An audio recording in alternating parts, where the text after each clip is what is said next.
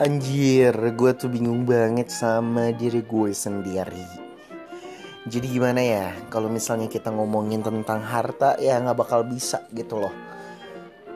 Jadi kehidupan itu ya lu berlalu begitu saja gitu loh kalau misalnya lo mikirin dunia gitu loh. Lo harus inget gitu loh. eh, setiap apa yang lo usahain kalau misalnya lo itu tujuannya buat dunia lo pengen kaya lo pengen jadi orang yang terkenal di dunia ingat semua itu bakal balik gitu loh semua itu bakal kembali dan semua itu akan hancur mereka itu fana semuanya lo harus inget dong tujuan lo hidup ke dunia itu kan wa ma khalaqtul jinna wal insa illa liya'budun. Jadi untuk menyembah kepada Allah gitu loh. Tujuan lo diciptain itu untuk menyembah sama Allah.